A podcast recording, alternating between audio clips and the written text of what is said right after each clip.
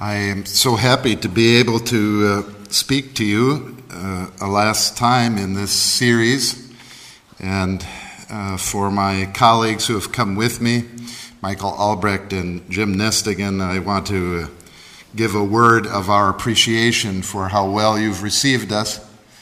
I was afraid this was going to happen, uh, that I would come to my long lost Norway and then not want to leave.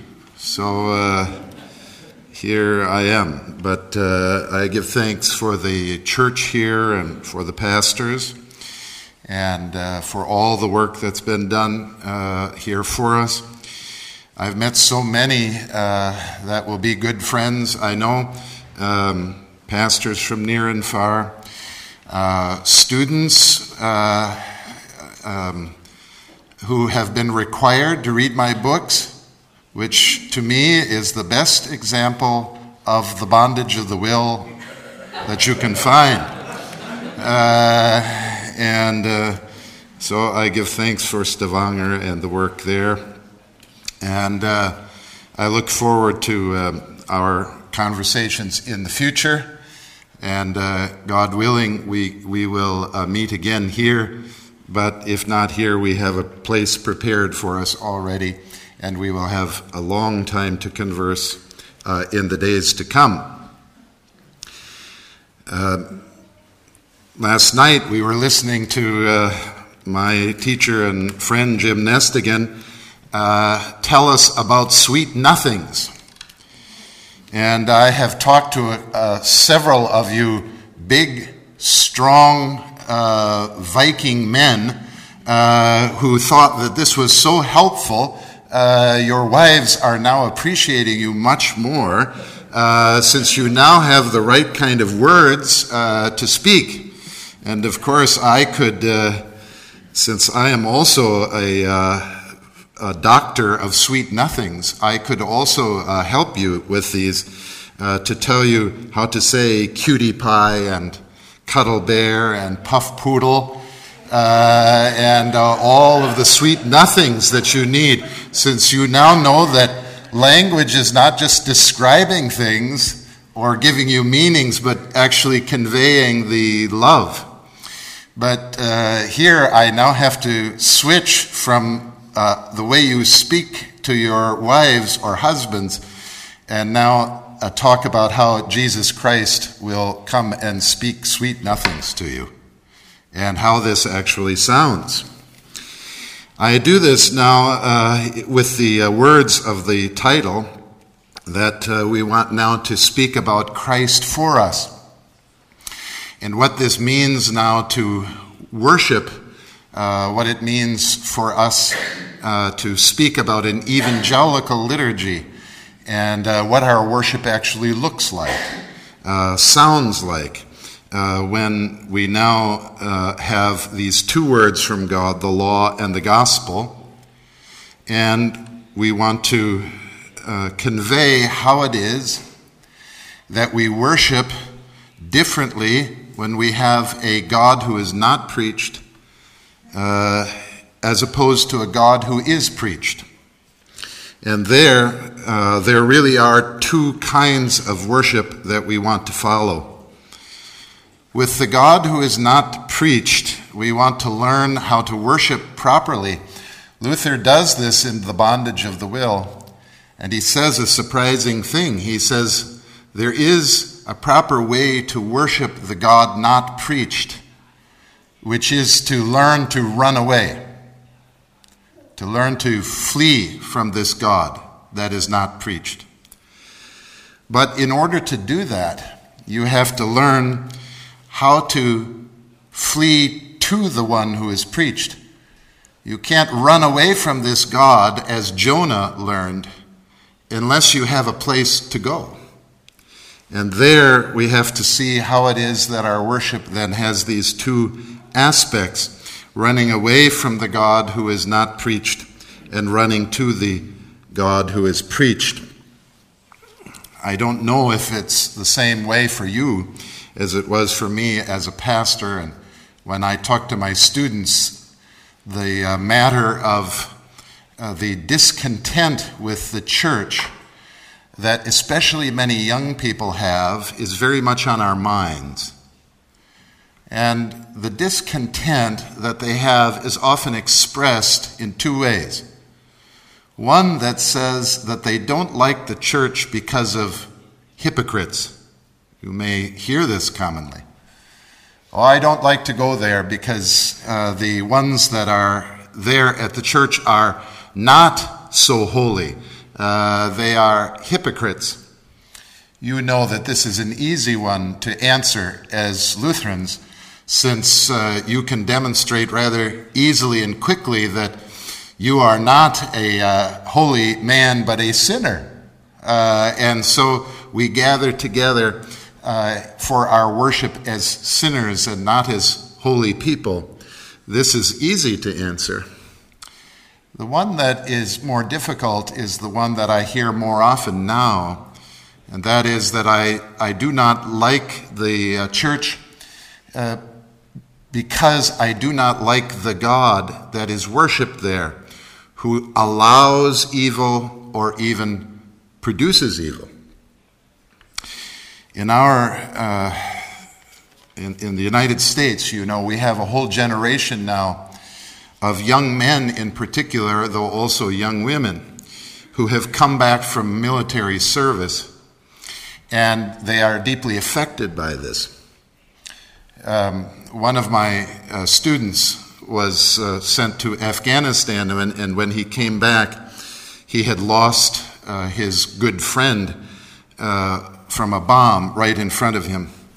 And he could never quite get over this. So that he kept saying over and over again, I, I cannot worship this God who let this happen. This is the deepest part of the matter of the hidden God, where a person now turns to this God and says, I, I cannot worship you when you behave this way, uh, when you allow such a thing to happen. And here, what begins to uh, come out of the mouth of such a person is the question on the mind why, O Lord? And you remember that this question, why, O Lord, keeps coming up in the Psalms. I think especially of Psalm 10 when I am talking about uh, the hidden God, which begins this way the first verse of Psalm 10. Why do you stand far off? Why do you, do you hide yourself in times of trouble? Now, of course, this is a common complaint, and the question why, anytime we suffer, is the one that is on our conscience and mind, and we rightly bring it to God.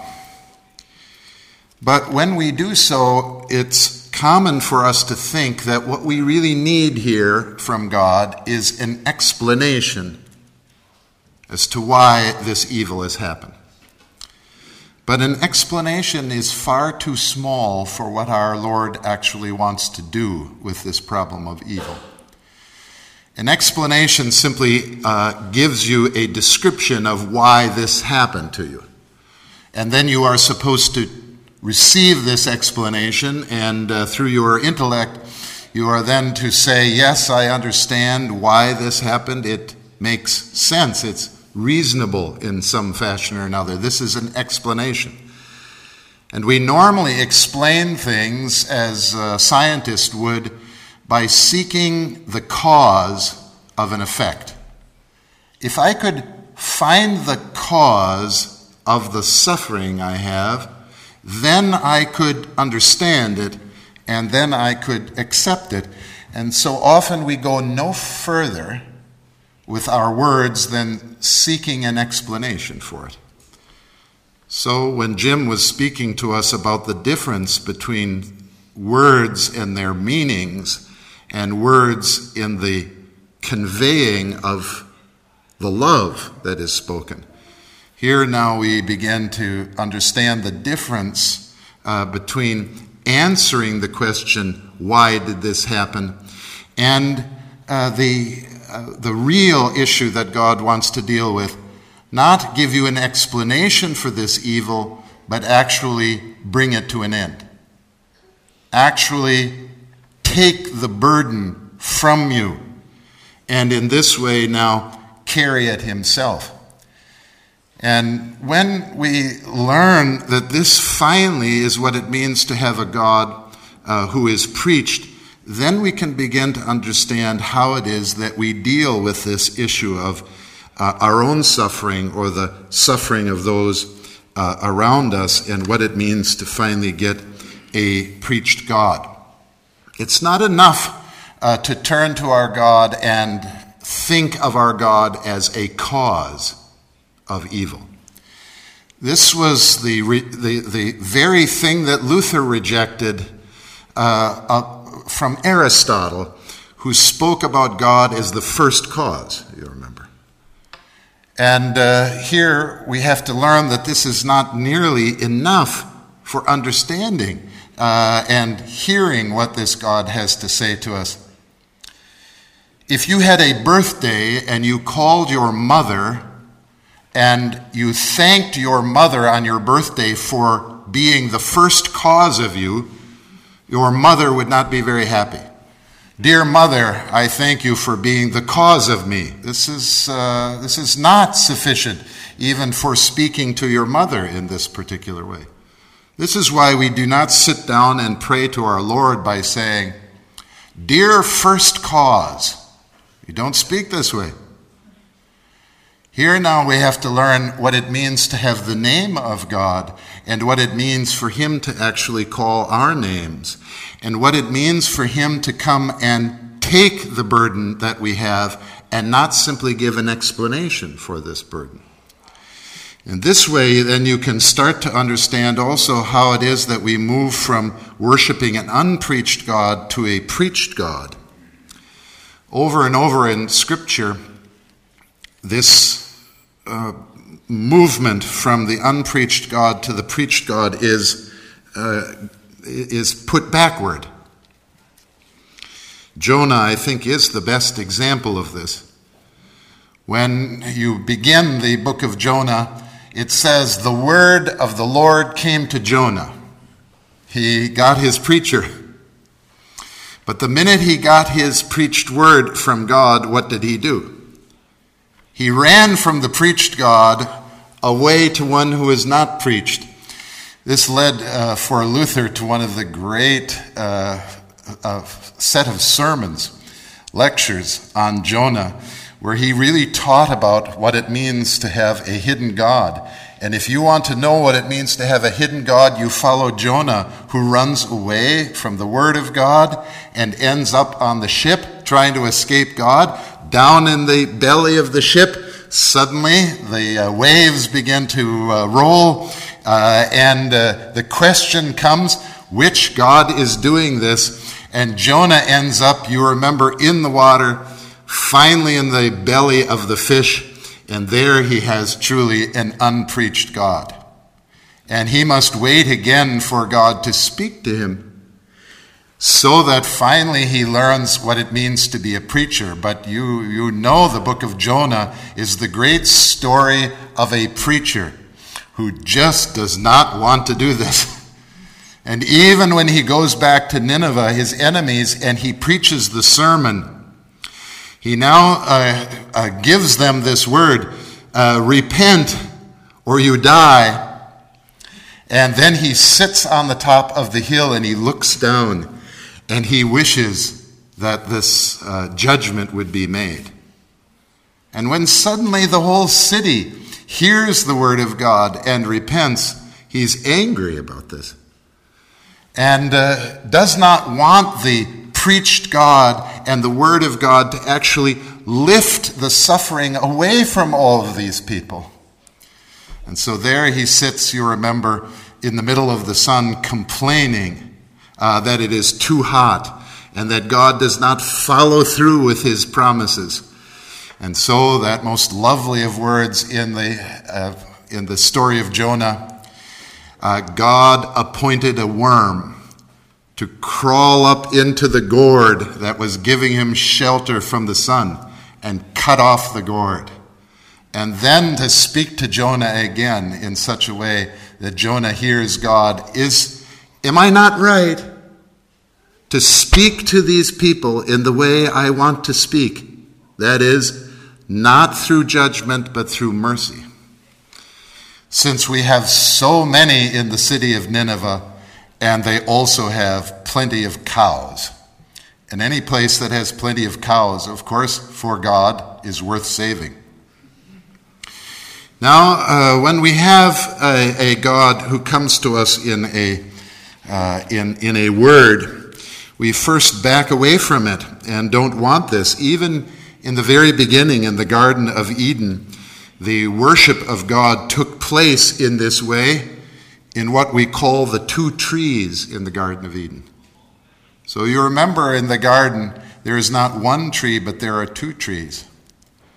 When Luther again comes to uh, preach on this matter in his Genesis uh, sermons or lectures. There he makes a point of how it is that God is teaching Adam and Eve how to worship properly. And he does this now by giving two trees, not one. The first tree is the uh, tree of the knowledge of good and evil, and the second tree is the tree of life. In the tree of the knowledge of good and evil, God puts a curse so that you will not find him there. He does not want you to find him in this tree. Instead, he wants Adam and Eve to find him in the tree of life. And in the tree of life, he puts a promise. So, Luther says, imagine this Adam and Eve worship every day by getting up in the morning. And the first thing they do is go over to the tree of the knowledge of good and evil, uh, look at it, and say, There's no word here for me. And then they run from it as quickly as they can. But in order to run from it, they must have a place they can go. And the place they go now is to the tree uh, of life. That tree of life, Luther says, uh, now is going to be where God wants to be found. And there you go up to the tree as Adam and Eve would, and then you pick the branches from the tree and you rub some of the sap on your hands and you put it on your face. And Luther says, every day when they would do this, it would take away their wrinkles. we call this Botox in a tree. so that now uh, the worship of God is in such a way that they come to the tree now and apply it to themselves, and in this way receive all of the loving attention of their Lord and receive the life that they need from day to day. We have a tree uh, in the United States, I don't know if it is the same here, called an arbor vitae, the tree of life. Uh, it is a little uh, evergreen that grows up as a pillar, and I have filled my backyard with this so that in the morning I can go back and get some of the sap and take away any wrinkles. See? But here, you know the rest of the story uh, for Adam and Eve. They, they prefer finally to go to the tree where God is silent rather than the one where he is speaking. And in this way, now we begin the trouble that we have with our worship. When Luther was near the end of his uh, life and he was preaching some of his final sermons, he was invited to come to the city of Torgau in Germany, 1544. And there he gave a famous sermon at the opening of the new church in Torgau. At least in Germany, this was the first new church built since the start of the Reformation. We would call it a mission start. And uh, when they were just beginning this new church, they decided to call old Luther uh, to come and preach. And uh, they had no idea how they should install a new church.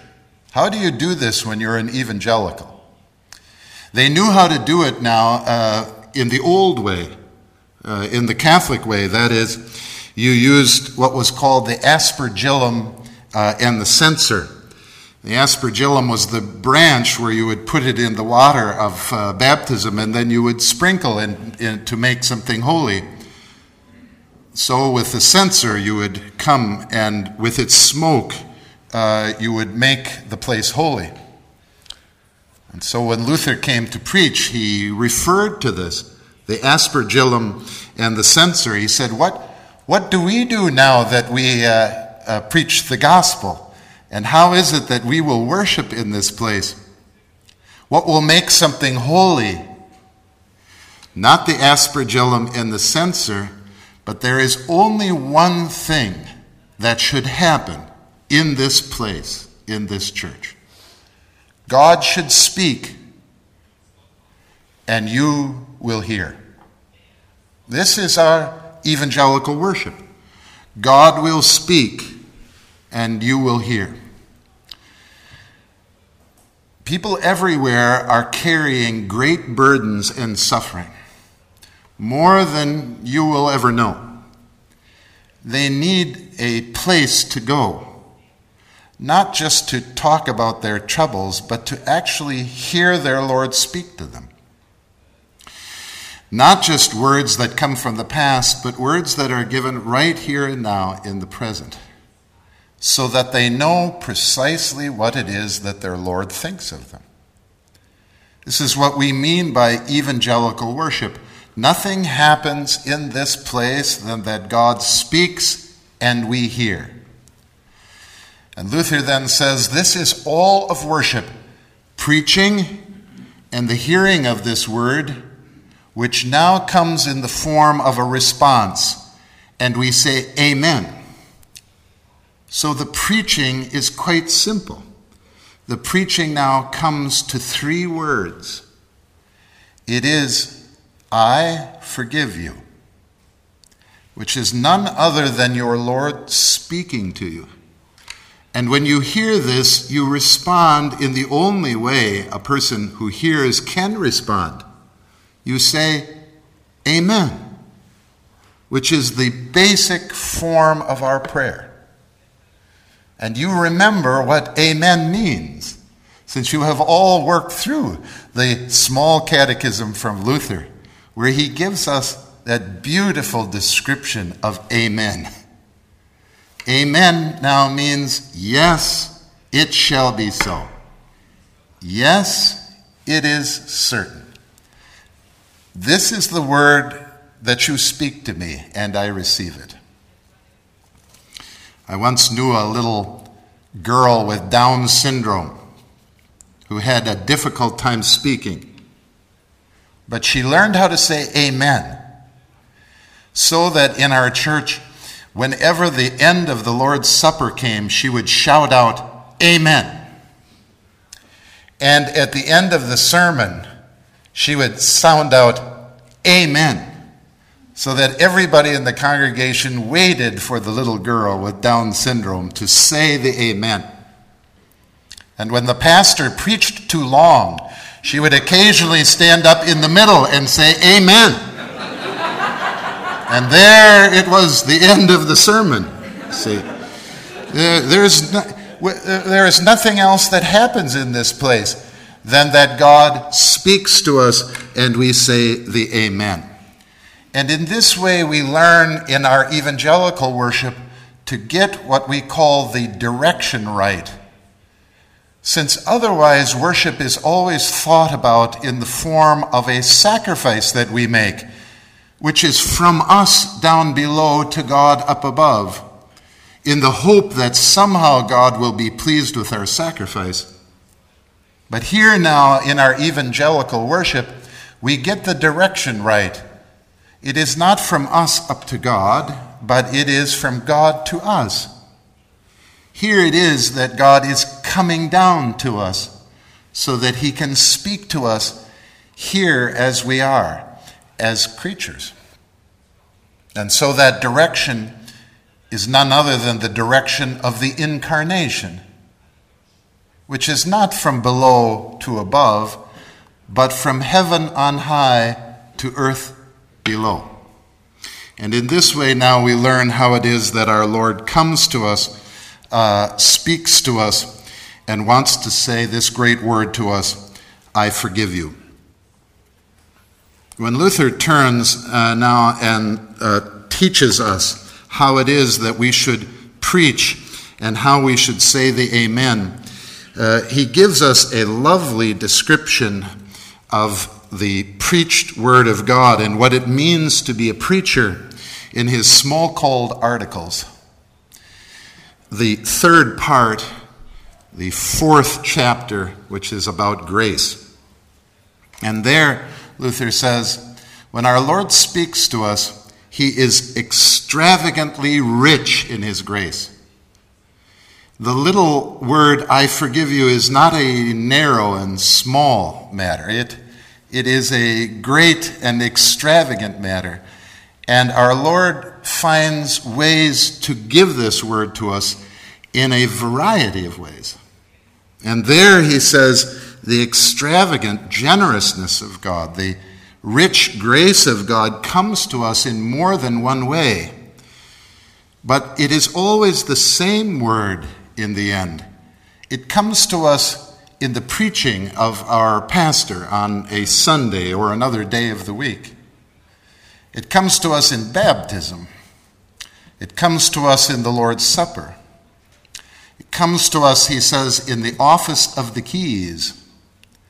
And it comes to us also in what we call the mutual conversation and consolation of Christians. Here we learn to speak to one another not only in everyday language, but now in the words of forgiveness itself, so that we learn that it is not only the ordained pastor's job to do the forgiveness, but we actually learn how it is that we who have become royal priests learn how to forgive one another day in and day out. And in this way, we learn what it means for Christ to come and bear our burdens, take our burdens from us. And here we learn the great consolation of Christ, which he taught uh, especially uh, in the 20th chapter of John, where here we uh, hear one of the great ways in which the office of the keys is given to us. You remember that the resurrected Jesus in the 20th chapter of John uh, has now come from the tomb. The tomb is empty. Uh, Mary and Peter and John have gone out to the tomb, and when they see that the tomb is empty, they are not, uh, contrary to my good Calvinist friends, they are not happy about finding that the tomb is empty. This is not good news to them. They go out to the tomb, they find it empty. They do not say, Oh, my Lord and my God, this means the resurrection, and the resurrection has got to be good news. No, Peter in particular goes out uh, to the tomb, looks in the tomb, and finds it empty, and he is not happy about this. Oh no, he says to himself, my Lord is out and running, and uh, he may be out to get me. He knows what I did just the other night, and He knows what sort of sinner I actually am. What am I to do now with a Lord who is running free out there? We call this a free range Jesus Christ, who's no longer in the barn, and nobody can keep him in this little hole or place any longer.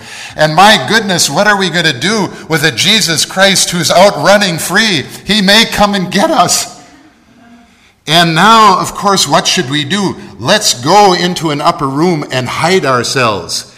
And in order to protect ourselves from a free running Christ, let us bar the door and make sure he cannot get through to us. Jesus Christ is not going to be stopped in this way. This is what we mean by predestination. He has a destination that he knows ahead of time and he's going to get to you one way or another. And when he finds the barred door, the locked door, he does not stop him, he goes right through.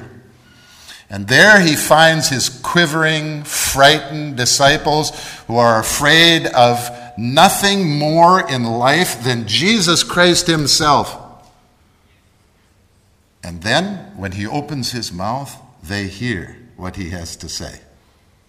Peace be unto you.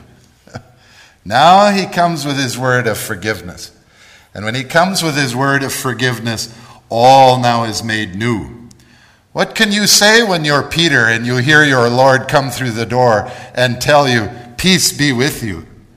Well, all you could say then is, Amen. Let it be so. This now is what we hear from our Lord in Christ. And then he proceeds to do something even more dramatic. He now turns to them and breathes on them as our Lord breathed on the dirt at the beginning to create Adam. And he breathes on them and gives them the Holy Spirit, and then he says to them, Whatever you loose on earth will be loosed in heaven, and what you bind on earth will be bound in heaven. We call this the keys. And the keys, of course, mean that you have the keys to open a door. And the keys to open the door are nothing other than uh, the things that Christ wants you to use to open a door that otherwise is locked. And the door that is locked is that wherever you go in this life, you are going to find people who are hiding behind a locked door, afraid. And they are bearing a large burden which they themselves cannot hold for much longer. And they are waiting for a preacher to arrive who will actually now use the key to open their door and let them go free. It's very difficult for people to understand whether you are an ordained pastor or whether you are a baptized royal priest that Jesus Christ has now given you the very keys to heaven itself. And he now uh, gives you the authority and the freedom to use this. I have to spend time over and over with my students who are pre- preparing to be an ordained pastor to make sure they're not doing something else when they go out and preach, but they do this very thing. And when they do this thing, as our Lord has asked us to do, they are doing everything that our Christ wants them to do. The rest of the world will want you to do many other things, but this is the thing that our Christ wants. And in the ordained priesthood, I, I emphasize this over and over again so that my students know that when they go off uh, to their first call, they always write back to me and they tell me the stories about what they find uh, in people who were waiting to hear this word of forgiveness. I recently had a student uh, who went up to a northern Minnesota town uh, and uh, uh, there had a church that was uh, near the Indian reservation, the Native American reservation. And he said that uh, uh, on the first day that he arrived, he went into the church building, and there was a woman over 90 years of age, bent over, holding uh, the broom. And she announced to him that she was the janitor of the church. Well, he thought, this is not going to be good if I have a 90 year old woman as the janitor. And uh, she began talking to him uh, about how it was that though she was so old, she remained the janitor. And uh, she began to tell him a story. And the story went like this um, Her uh, father had come from Norway with her as a young child and moved her from a beautiful farm uh, to this little place in northern Minnesota. She didn't want to go, and she was greatly frustrated by this. And when she uh, came to live in this uh, northern Minnesota town, she was despondent and uh, depressed. And her father kept asking her what he could do to try to make things better so that she wasn't so homesick. And she said that she would like one thing and one thing only for her old piano to to come to her from Norway. And so, without her knowing, her father made arrangements to do just this. And sent for her piano, which came on the train in a large box. And when it arrived uh, one day, he took her down to the train. Uh, the, uh, the, the box was opened there, and there she saw her piano. The piano had to get from the railroad to the uh, new uh, uh, cabin that they lived in. And the father had to do this all by himself and lift this uh, piano uh, onto, uh, onto the cart. And in doing so, he hurt his back. And he hurt his back so badly that he could no longer uh, work and function as he normally would. And she said from that day forward, every time she sat down to the piano, she remembered what had happened to her father. And she bore this every day of her life, even well after her father had died. So she says, I stay here in the church and I wait. Now, my student said, Aha! Old Dr. Paulson told me then when I, when I got here, I would hear stories like this. And when I heard a story like this, I would now turn to the person and I would say what I was commanded to say. That is, I lift this burden from you. This is what this means when Christ comes and gives us the office of the keys. The I forgive you is not only for these things that you have done, but for the burdens that you bear that come from other people as well. And in this way, now he turned to her and said, I lift this burden from you. And he used these wonderful words from our scripture from Christ Come to me, you who are heavy laden, and I will give you rest. Your burden is heavy my burden is light. Here now our Christ comes in such a way that he will take the burden that we cannot bear ourselves and take it upon himself.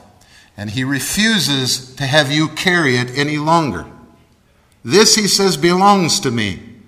When I come to you now, it is as if I wed myself to you, and what uh, is yours becomes mine, and what is mine becomes yours. And what is yours is this very burden that you can no longer carry. It is no longer yours, it is mine. I am the one who will take this. And when you have such a Christ who does this, then you truly now become free. So, when uh, my student had said these words uh, to, to uh, the, the, this elderly janitor, she stood up and looked at him and said, I have waited all my life to hear this. Now I know why you have come. Then she handed the broom to him and said, You get your own janitor.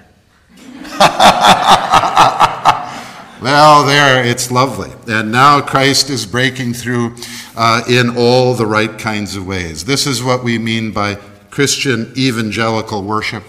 Our Lord knows what burdens you bear, and He knows also what it means to receive uh, a word uh, from a preacher, ordained or not ordained, in place or time. There will be many voices who will give their confession to you, and you be ready now to uh, hand over this word. Take the keys that are in your pocket and open up the door now in such a way that people can hear what it is that Christ has come for. He now says, Your burden is mine, your sin is mine. I will take this. I know what to do with this. You cannot bear it, and I can. And to that we say, Amen.